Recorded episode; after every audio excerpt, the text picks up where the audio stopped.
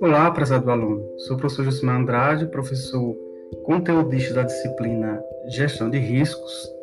Falarei agora sobre um tema importantíssimo dentro da disciplina Gestão de Riscos, que é a relação entre risco e retorno.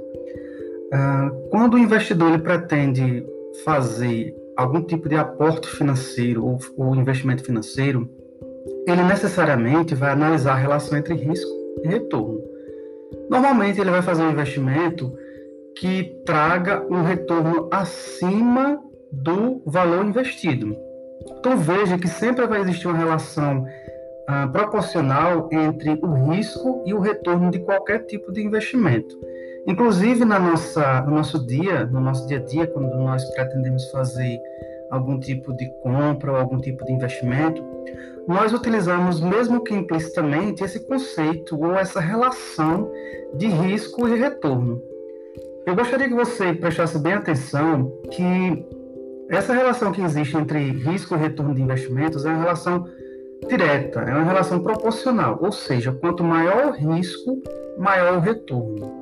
Quanto menor o risco, menor o retorno. Então, não existe investimento é, que traga um retorno alto quando o risco é baixo.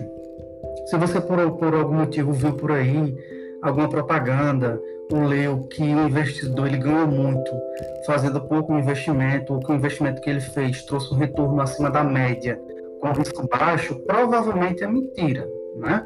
Porque é, para qualquer tipo de investimento que você queira fazer com imóveis, com é, renda fixa, renda variável, essa relação de risco e retorno, ela sempre vai existir. Então, gostaria que você fixasse bem é, os conceitos e essa importância da relação proporcional entre risco e retorno nos investimentos.